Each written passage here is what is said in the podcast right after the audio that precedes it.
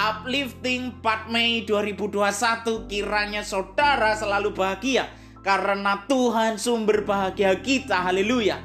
Saudara, saya mendapat pertanyaan konyol tetapi jika kita pikirkan ini pertanyaan yang juga masuk akal. Pertanyaan itu tentang bolehkah kita marah? Karena ada ayat yang bilang sebab amarah manusia tidak mengerjakan kebenaran di hadapan Allah. Jadi apakah marah itu tindakan yang berdosa? Mari kita lihat dulu makna dari kata marah. Dalam kamus besar bahasa Indonesia, marah didefinisikan dengan rasa tidak senang atau gusar karena diperlakukan tidak sepantasnya. Sedangkan dari Alkitab kita menemukan lebih banyak makna negatif dari kata marah ini karena marah tidak terlepas dari hawa nafsu. Lantas bagaimana sebenarnya dengan marah ini? Karena jika kita menahan marah ini pun berbahaya bagi kesehatan. Mari kita lihat Efesus 4 ayat 26. Apabila kamu menjadi marah garis bawahi ini, jangan berbuat dosa.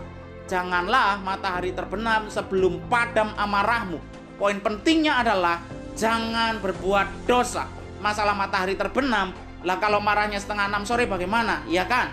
Ini tentu bukan dimaknai secara harafiah. Jadi sebenarnya marah itu boleh, tapi jangan berbuat dosa. Maksudnya gimana tuh? Yang pertama, marahlah, tetapi jangan lepas kendali sampai melakukan tindakan-tindakan yang merugikan banting piring, pecahin gelas, bakar sumur, jangan. Tetap kontrol tindakanmu. Yang kedua, marahlah. Tetapi jangan sampai keluar kata-kata makian, kata-kata cacian, kata-kata menjatuhkan, hujatan. Mungkin nada boleh meninggi, tetapi kata-kata yang keluar harus tetap pada pokok masalah. Yang ketiga, marahlah untuk tujuan-tujuan yang baik dan membangun, bukan menghakimi dan menjatuhkan martabat orang. Yang keempat, marahlah tetapi bukan untuk memuaskan emosi kita, memuaskan kedagingan kita, tetapi untuk membangun untuk tujuan yang baik.